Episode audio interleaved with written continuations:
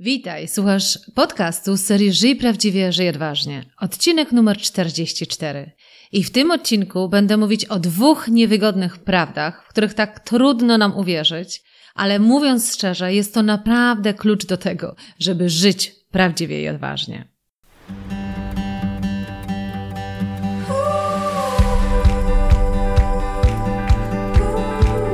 Witaj w serii podcastów Żyj Prawdziwie, Żyj Odważnie. Ja nazywam się Ela Krokosz i od 20 lat zajmuję się tym, co jest moją pasją rozwojem potencjału ludzi. Dzięki pracy z tysiącami osób w wielu krajach wiem, że w nas jest dużo większy potencjał niż nam się wydaje. Moją rolą jest pomóc ludziom dostrzec ich potencjał, a potem zrobić wszystko, aby go wykorzystali. Prowadzę indywidualne coachingi, szkolenia oraz programy online, w których wykorzystujemy strategię skutecznego zarządzania własnym potencjałem. W podcastach Żyj Prawdziwie Odważnie znajdziesz inspiracje, wywiady i konkretne rady, jak skutecznie zarządzać Twoim potencjałem, który często też nazywam talentem.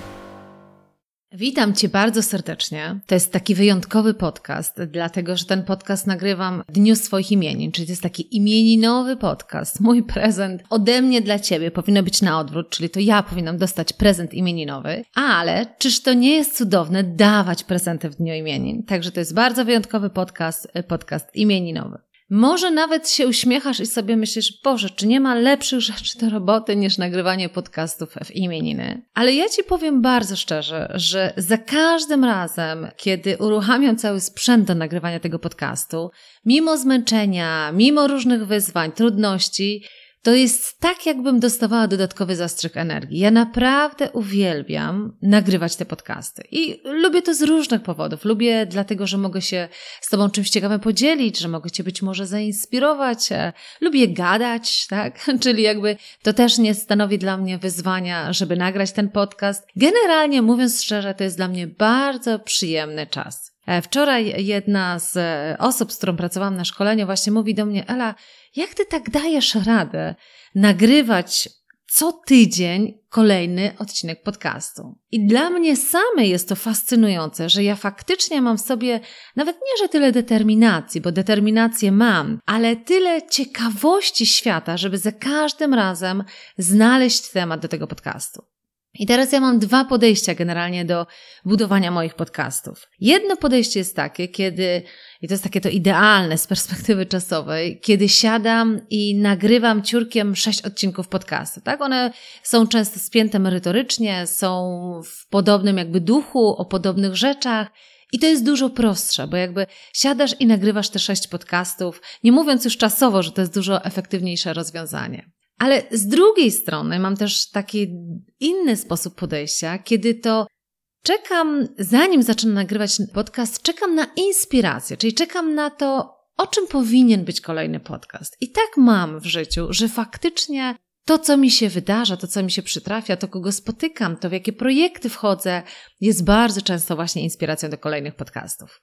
No i tadam, tadam, ten podcast też jest inspiracją, to bardzo świeżą, a mianowicie na podstawie szkolenia, które poprowadziłam w ciągu ostatnich kilku dni. I o tym zaraz właśnie powiem, o tym słów kilka na temat tego projektu, który realizowałam, oczywiście bez podawania nazwy firmy, ale to jest dosyć istotne, bo cały ten kontekst e, jest bardzo powiązany z tym tematem, który do Ciebie dzisiaj mam. A tak jak powiedziałam we wstępie, dziś chciałabym Ci powiedzieć o dwóch niewygodnych prawdach. Nawet nazwałam to dwóch kłamstwach, które być może sobie powtarzasz i w które musisz przestać wierzyć, tak? Dlatego, że jeżeli ciągle jesteś w swoim sposobie myślenia na tych dwóch niewygodnych prawdach, albo nawet ciągle uważasz, że to nie jest prawda, tak? Jakby zakłócasz e, to, co widzisz, jeśli chodzi o tą rzeczywistość, to możesz sobie naprawdę wyrządzać krzywdę. Znaczy, oczywiście nie dosłownie krzywdę, ale mówię taką krzywdę w kontekście tego, czego dotyczą moje podcasty, czyli w kontekście życia prawdziwie i odważnie, życia w zgodzie z tym, co jest dla nas ważne i podążanie później odważnie tą swoją ścieżką.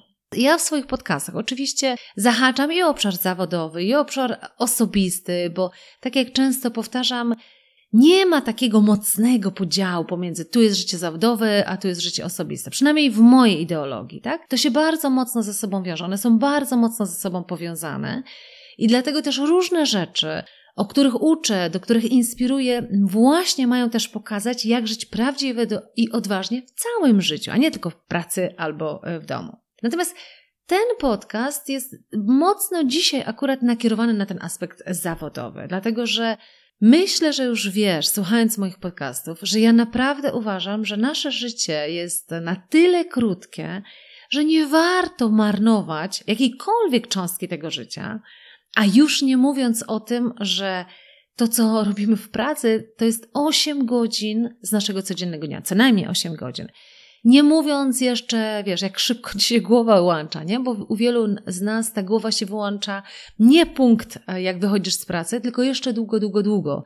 Gdzieś myślisz o tym, co się wydarzyło, być może pewne rzeczy planujesz. Czyli ten aspekt zawodowy jest bardzo ważnym momentem w naszym życiu, bardzo ważnym elementem naszego życia. I te prawdy, o których będę dzisiaj mówić, nazywam je niewygodne prawdy, bo faktycznie dużo łatwiej, dużo prościej jest wierzyć w coś innego, ale wyrządzi nam to dużo więcej szkód. I one w największym stopniu będą się odnosić właśnie do tego kontekstu zawodowego. I o tym za moment Ci opowiem.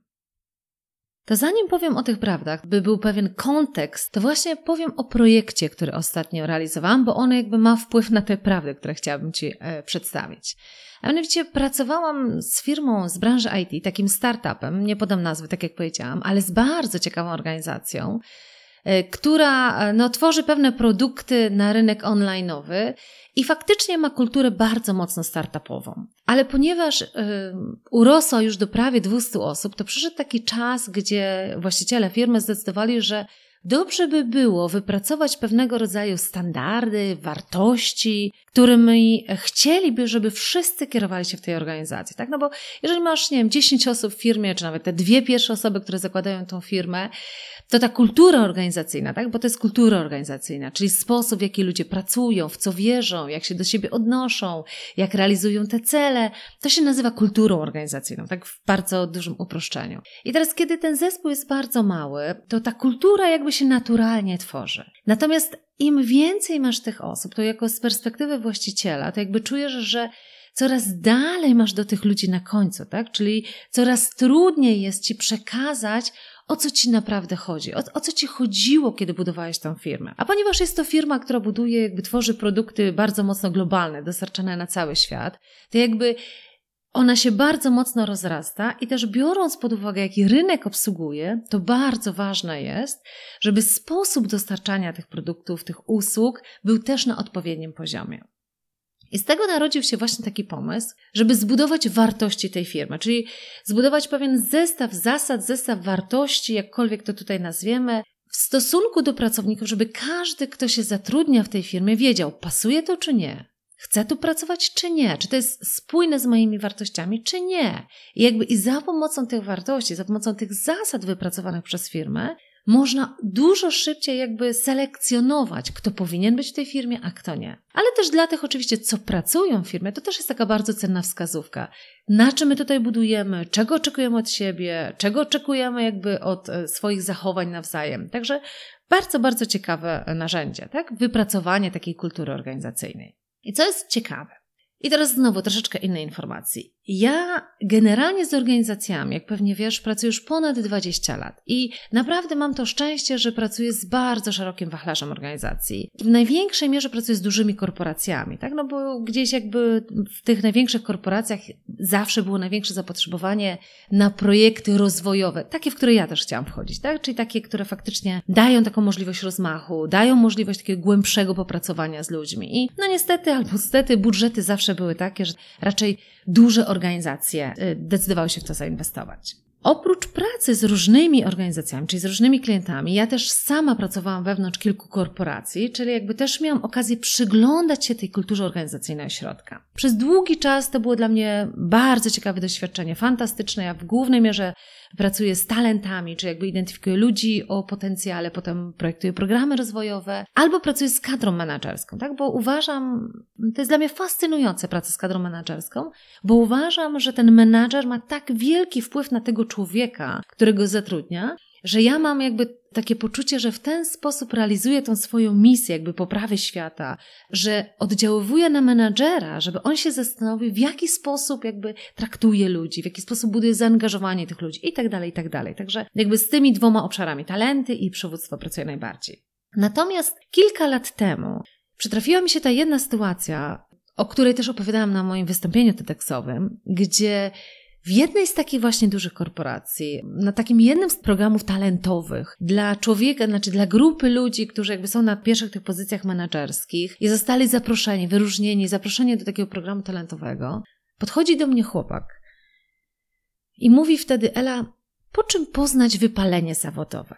I on miał lat 30, to jest ten mój przykład właśnie z TEDxu.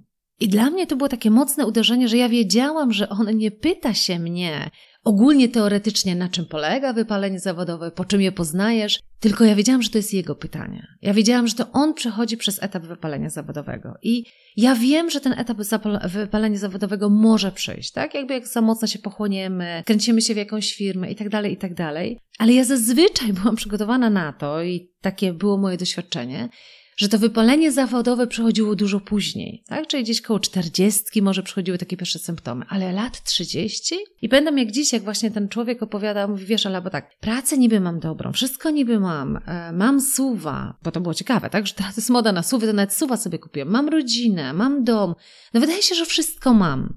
Ale jakoś tej radości z życia nie mam, tak? I on to nazwał wypaleniem zawodowym. I skoro on miał lat 30, to to był taki pierwszy moment kilka lat temu, kiedy ja się zastanowiłam, że coś tutaj nie gra, że my ch chyba nie idziemy w dobrą stronę. I teraz przez ostatnie wiele, tam kilkanaście lat, ja pracowałam jakby z dużymi organizacjami, szkoląc ludzi z tych dużych organizacji, i był taki trend, że to była ta odpowiedzialność na dużej organizacji, zaproponować ludziom coś, jakieś programy rozwojowe. Nie mówię też o innych tam korzyściach, kartach, multisport i tak dalej, ale mówię tu o rozwoju, czyli o zaproponowaniu tym ludziom czegoś, co będzie powodować, że oni będą się rozwijali. I bardzo długo był ten trend. Jakby ja się w głównej mierze tym zajmowałam. Ale ta historia z tym człowiekiem tak mnie mocno zatrzymała, że teoretycznie ten człowiek wszystko ma, że teoretycznie nawet w organizacji, w której pracuje, też wszystko ma. Czyli to wszystko, co ja bym mu też projektowała, gdybym jakby też pracowała wewnątrz tej organizacji, to dokładnie to samo bym mu dała. Takie same programy rozwojowe,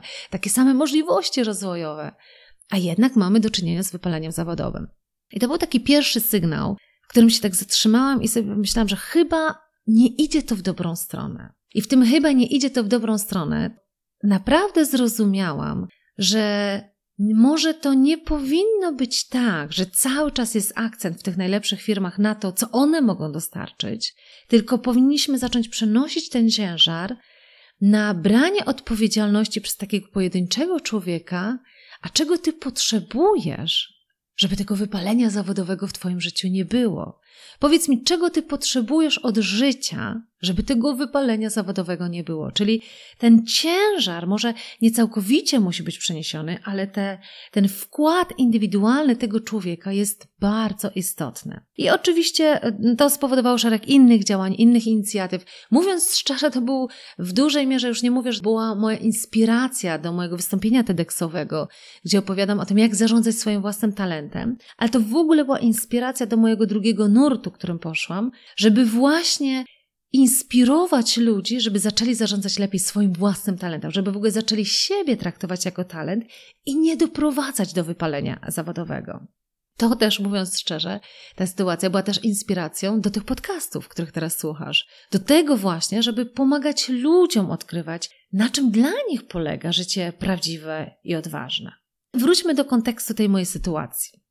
Ja po tej sytuacji z tym człowiekiem 30-letnim, kiedy mnie to tak zainteresowało, że faktycznie jakby to wypalenie zawodowe pojawia się dużo szybciej, zaczęłam dużo mocniej przyglądać się właśnie czego tak naprawdę ludzie potrzebują, żeby być szczęśliwymi. Oczywiście myślę, że wiesz, zdajesz sobie sprawę, że tak dużo się mówi o pokoleniu milenialsów, y, o tym, że jest egoistyczne, że właśnie dba o swoje potrzeby, y, że jest lojalny, ale tylko w stosunku do siebie. No generalnie naprawdę są to duże zmiany, ale te zmiany wynikają też jakby z rynku, w którym funkcjonujemy. Jakby rynek pracy dokładnie na to pozwala, bo nie wierzę, że ktoś tak jak ja, który w 98 roku rozpoczynał karierę, nie miał tak samo potrzeb, żeby być lojalny w stosunku do siebie, żeby swój potencjał realizować. Natomiast rynek zawodowy był jaki był, czyli trzeba było bardzo mocno wyważyć pomiędzy tym, co chcesz robić, a pomiędzy tym, co jest możliwe do zrobienia. Na dzień dzisiejszy można powiedzieć, że dla wielu osób, przynajmniej tych, z którymi ja się spotykam,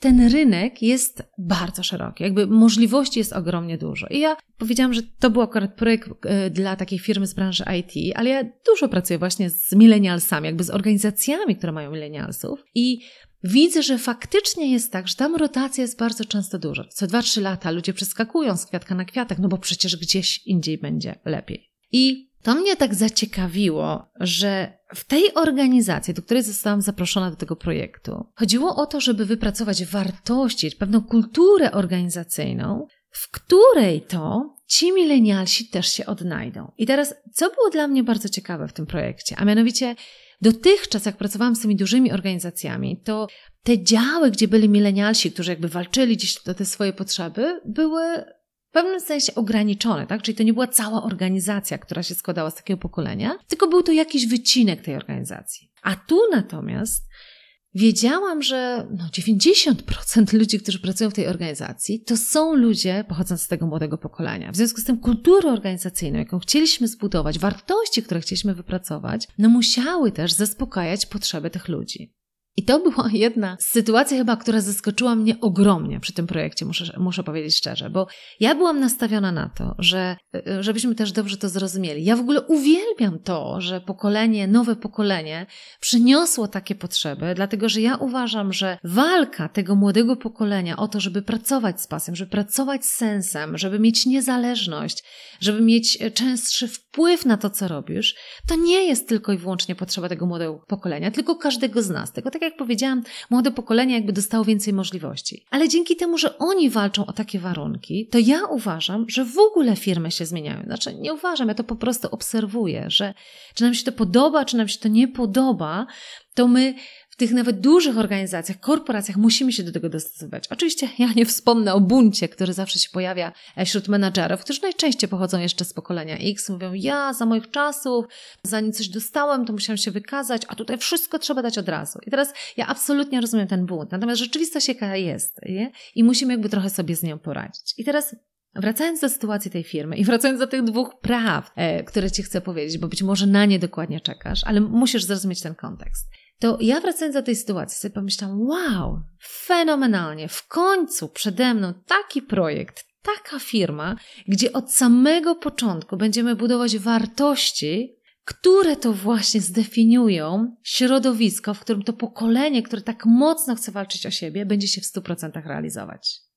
Moje wielkie zaskoczenie dotyczyło tego, jakie wartości zostały wypracowane. I teraz, dlaczego to było dla mnie wielkie zaskoczenie? Bo ja pokazując, o co trzeba dbać, kiedy budujemy kulturę organizacyjną, kiedy wypracowujemy wartości, pokazuję, że trzeba dbać o interesy dwóch stron. Czyli trzeba dbać o interesy firmy. To zawsze rysuję jako to takie dwa kółka. Najlepiej jak się jak najwięcej nakładają. Takie jest, takie jest też założenie tego wszystkiego. Mamy kółko firmy, jej potrzeb, jej celów, efektów biznesowych, które chce osiągnąć.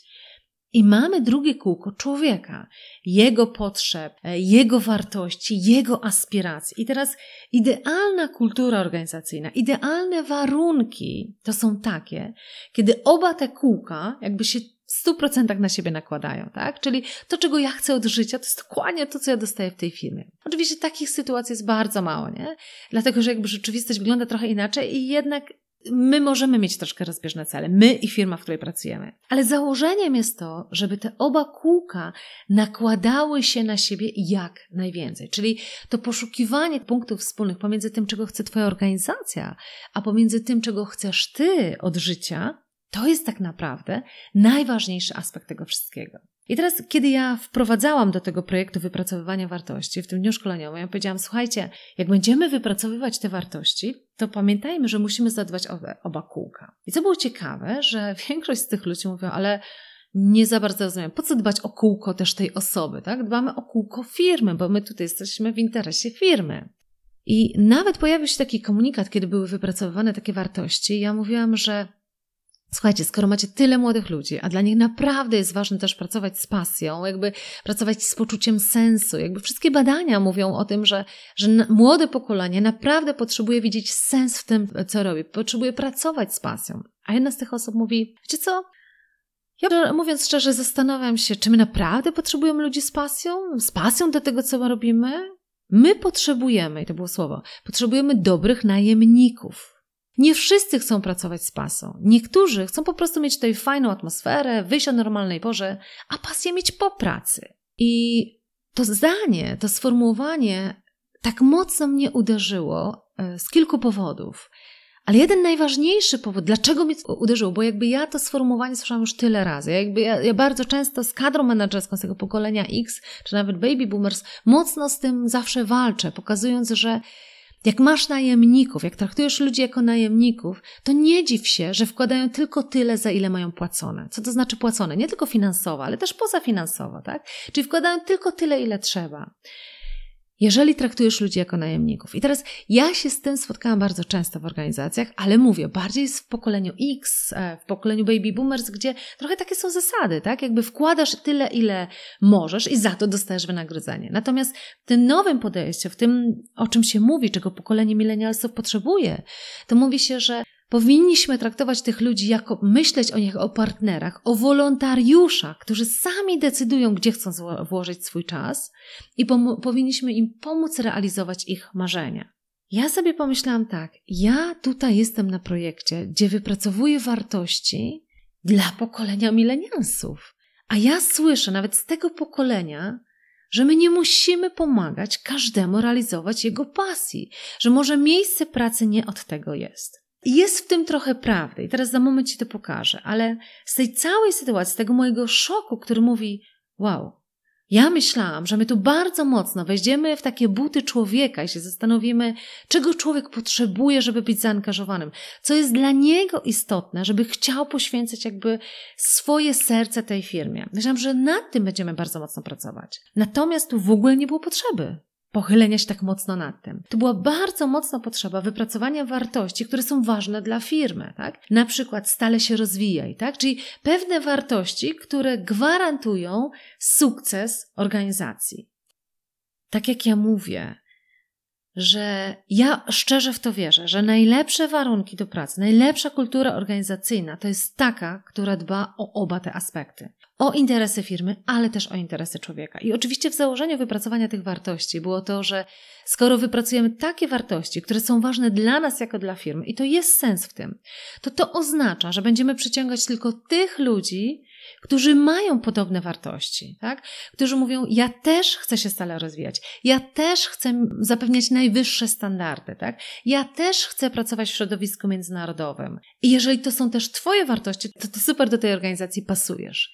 Czyli faktycznie jest w tym sens, tak? Czyli jeżeli to jest nawet podpowiedź, jeżeli szukasz dobrej organizacji, to przyjrzyj się, jakie wartości deklaruje, jakie zasady chce wyznawać, i wtedy intuicyjnie zobacz, czy te zasady to są też zasady, które Ciebie nakręcają, czy to są też Twoje wartości. Czyli z jednej strony jest to dobre podejście, natomiast co mnie zszokowało, zdziwiło, może nie powinno, tylko jakby bardziej mi to nawet potwierdziło w tym, co Ci chcę powiedzieć, to kiedy ja mówiłam, słuchajcie, a może byśmy się też pochylili nad tym, w jaki sposób zapewniać, żeby też ten człowiek, jego potrzeby, jego wartości, jego aspiracje były realizowane. Czyli żeby była taka wartość, która być może mówi o tym, będziemy Cię wspierać w Twoich marzeniach, tak? Będziemy Cię wspierać w Twoim rozwoju, będziemy Cię wspierać w Twoich oczekiwaniach. Tylko nam powiedz, o co Ci chodzi, tak? Powiedz nam i poszukajmy punktu wspólnego. Natomiast tu był taki duży opór, żeby w ogóle taka wartość się pojawiła.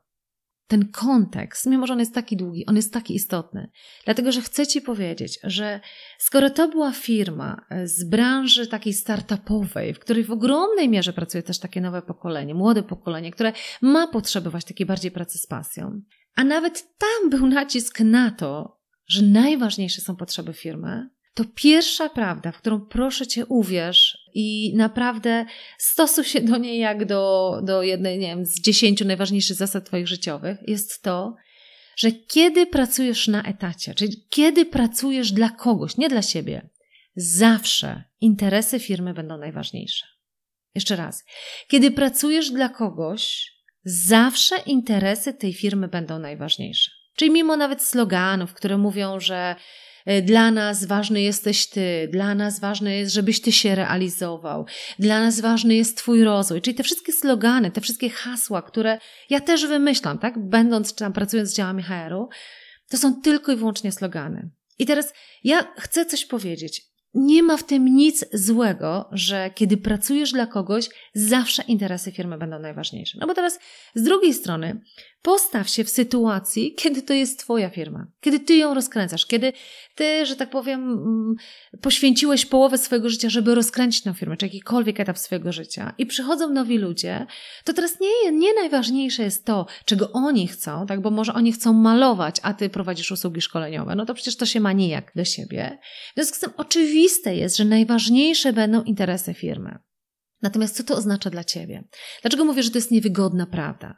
Dlatego, że Często te dobre firmy używają też tych sloganów, tak? Właśnie u nas będzie kultura najlepszego zaangażowania, najlepszy pracodawca. Wiecie, teraz się wszyscy starają o te tytuły, najlepszy pracodawca, że u nas są takie procedury, które właśnie wspierają ludzi rozwój i tak dalej. I kiedy ty uwierzysz w te slogany, w te hasła, które no, często są podparte też, że tak powiem, no, wieloma działaniami, to usypiasz swoją czujność. Co to oznacza? To oznacza, że oddajesz siebie w ręce tej firmy. Mówisz, nie, no w końcu ja wybrałem firmę, e, która naprawdę inwestuje w ludzi, dla nich ten rozwój ludzi jest najważniejszy. To idziesz i czekasz na to, co ci mają do zaoferowania. Idziesz i oddajesz to swoje życie na poczet tego, co ci tam mają do zaoferowania, na poczet multisportów, już nie wspomnę, jak to mówię, darmowych jabłek i tak dalej, ale generalnie czekasz, aż ktoś zaplanuje twoje życie, aż ktoś rozwinie cię, ale zawsze w kierunku, który jest dla firmy najważniejszy. I dlatego nie ma w tym nic złego, to jest po prostu prawda, niewygodna prawda, w którą musisz uwierzyć, że kiedy pracujesz dla kogoś, zawsze interesy firmy będą najważniejsze. A dla ciebie najważniejszy powinieneś być ty. I w tej mojej koncepcji, gdzie mówię zarządzaj własnym talentem, to ja teraz jeszcze mocniej w nią wierzę, dlatego że uważam, że my musimy przejść do takiego partnerskiego układu, w którym to ja mam swoje talenty, ja mam swoje wartości, ja mam swoje aspiracje, ja mam swoje życie. I teraz ja patrzę, na ile to, czego ja chcę, wpisuje się w interesy firmy, w której pracuję. Na ile to, co ja chcę robić, w co ja się chcę angażować, wpisuje się w kierunek, w który idzie też ta firma. Ale to jest pierwszym, na pierwszym punkcie jestem ja. Ja, moje talenty, moje życie, moja przyszłość, mój kierunek, moje aspiracje. I dopiero ja decyduję o tym, w co w tej firmie chcę wejść. Nigdy, błagam cię, nigdy nie odwracaj tego na odwrót. Czyli nie zakładaj, że jak już lądujesz w firmie, czy decydujesz się na pójście do firmy, bo ma właśnie tytuł najlepszego pracodawcy, mówi, że inwestuje w rozwój, że teraz możesz spać spokojnie, bo teraz twoje życie ktoś zaplanuje. Bo zawsze ten ktoś zaplanuje w kierunku, który jest potrzebny tej firmie. Budzisz się, mając lat 40, 50, czy nawet już 30 i masz poczucie, że chyba nie w tą stronę idziesz, w którą chcesz. Chyba trochę życie przegapiłeś i dlatego bardzo Cię proszę, naprawdę uwierz w tą koncepcję, którą ja mocno promuję, zarządzaj swoim talentem, bo nikt inny dla Ciebie nim nie zarządzi.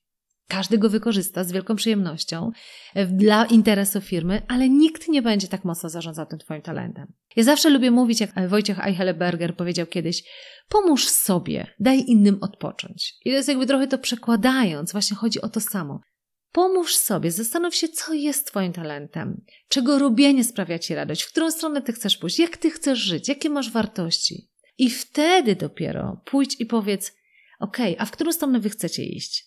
To teraz się dopasujmy, tak? Ale najpierw to Ty wiedz, czego Ty chcesz, a dopiero wtedy dopasowuj się do tego, czego chce firma. Bo zawsze firma będzie myśleć o swoich interesach. Także to jest pierwsza prawda, niewygodna prawda, ale naprawdę uważam, że jeżeli ją zrozumiesz, nie będziesz z nią walczył, bo to jest rzeczywistość, ale ją zrozumiesz, nauczysz sobie z nią radzić, to naprawdę będziesz mieć dużo więcej satysfakcji z życia. Druga prawda, i znowu odnoszę się do tego, co usłyszałam, ale to już nie raz, ale ostatnio właśnie zostało mi to przypomniane, że my nie potrzebujemy tak naprawdę tej ludzi z pasją, tak? Im być może wystarcza to, że mają pasję po pracy, tak? A tutaj fajnie, żeby była dobra atmosfera, żeby wyszli o 16, czy o 15, czy o którejkolwiek, żeby mieli czas na swoje pasje. To, co już powiedziałam na początku, ja uważam, że za krótkie jest życie, żeby żyć z pasją, realizować pasję dopiero po pracy. Już zaczęłam mówić o tym, co chciałabym Ci przypomnieć. Jakieś nagrałam cały przecudny podcast, ja go tutaj podlinkuję do tego podcastu na stronie elakrokosz.pl. Pod podcastem numer 44 będzie link do podcastu Co to jest pasja? Bo ja chciałabym Ci tylko przypomnieć, że to jest druga niewygodna prawda, którą musisz uwierzyć, że jest różnica pomiędzy pasją a życiem z pasją. I tak wiele osób się fiksuje na szukaniu pasji. Pasja, ja to mówię, że pasja to jest rzeczownik. Czyli pasja to jest zajęcie, które może dawać ci radość, tak? I tak wiele osób się jakby fiksuje i mówi, Boże, Boże, czym jest moja pasja, co jest moją pasją, co ja chcę robić, tak? Czyli szuka pewnego rzeczownika, który się określa pasją. I dlatego też nie ma się co dziwić, że wiele osób mówi, moja pasja jest po pracy, tak? Moją pracą, i tutaj podają hobby, tak? Czyli moją pracą jest, nie wiem, dłubanie w kamieniu, tak? Albo szydełkowanie, albo robienie biżuterii, tak? Czyli to jest pewnego rodzaju zajęcie, które jest taką pasją. To jest takie zajęcie, które jeżeli się nim zajmujesz, tym zajęciem, czyli jeżeli robisz to, co jest przedmiotem tego zajęcia, to wpadasz w tak zwany stan flow, czyli nawet nie zauważasz, że ci czas leci. I to jest pasja. Natomiast to absolutnie nie oznacza, że ty nie możesz żyć z pasją. I to jest chyba coś, do czego ja dużo mocniej cię zachęcam. Ja nie zachęcam cię tak bardzo mocno, znajduj swoje pasje, chociaż to też jest przecudowne, ale ja cię dużo bardziej zachęcam do tego, żeby żyć z pasją. I teraz to jest ta różnica pomiędzy pasją a żyć z pasją. To jest trochę jak pomiędzy miłością a kochaniem. Miłość to też jest rzeczownik, tak? To jest pewne uczucie, które masz albo nie masz w stosunku do kogoś. Natomiast kochać to jest czasownik. I do dziś pamiętam, kiedyś czytałam jak Stephen Covey, e, którego być może znasz, jeden chyba z guru, z takich czołowych guru, jeśli chodzi o przywództwo, napisał bardzo dobrą książkę e, Siedem nawyków skutecznego działania. Stephen Covey powiedział kiedyś tak, po jednym z jego seminariów e, podszedł do niego człowiek, mówi Steven, słuchaj, ja, ja mam taki problem, wiesz, bo nie wiem, co zrobić w życiu. Jakby chcę żyć tak właśnie mm, w zgodzie ze sobą i no i mam żonę i Mówiąc szczerze, no już jej tak nie kocham. I powiedz mi, co ja mogę zrobić, żeby ją pokochać bardziej? A on odpowiedział prosto: to ją po prostu kochaj. I ten człowiek na początku nie zrozumiał o co chodzi. Natomiast Kowej mu powiedział, że kochać to nie jest rzeczownik, albo to czujesz, albo tego nie czujesz. To jest miłość, tak? Natomiast kochać to jest czasownik, a czasownik zakłada działania. Czyli żeby kogoś kochać, to jest wykonywać szereg działań, które sprawiają, że ta miłość się pojawia, że ta miłość jest, tak? Szereg działań i z nich się rodzi miłość. Czyli to jest troszczenie się o kogoś, to jest właśnie kupienie mu prezentu na imieniny, albo w ogóle złożenie mu życzeń rano y, z racji tego, że ma imieniny.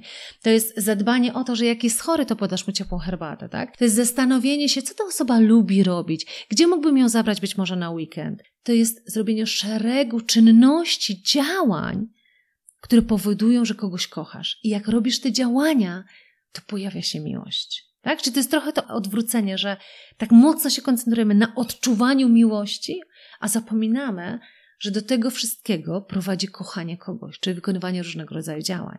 I teraz odwróćmy to, powróćmy do tego e, pasja i życie z pasją. Życie z pasją to jest tak samo poszukiwanie działań, czego robienie może ci dać to nakręcenie, tak? Czego chcesz spróbować, albo jak do tego w ogóle podejdziesz, z jaką energią do tego podejdziesz, żeby tą pasję w sobie mieć. Tak? Czyli to życie z pasją to jest świadome decydowanie, że cokolwiek robisz, to wkładasz w to 100% energii. Ja w poprzednich podcastach, które uwielbiam na temat właśnie sposobów myślenia, pokazywałam Ci taki przykład, jaka jest różnica w efektach, jeżeli czekasz na spotkanie, na które pójdziesz i wtedy zdecydujesz, czy ono będzie fajne, czy niefajne, tak? Czy zmieniasz swój sposób myślenia i od razu mówisz, skoro już podjąłeś decyzję, że idziesz na to spotkanie, od razu zakładasz, że to ma być bardzo dobre spotkanie. I wtedy mówisz, to co chcesz zrobić, żeby to było bardzo dobre spotkanie? No jakby to jest, to jest niesamowita zmiana jakby w sposobie podejścia. I tak samo jest tutaj do pasji, a życie z pasją. Życie z pasją oznacza świadome Twoje zdecydowanie się, że cokolwiek robisz, to robisz to z pasją, z pełnym zaangażowaniem, z dobrym nastawieniem, z dobrą energią.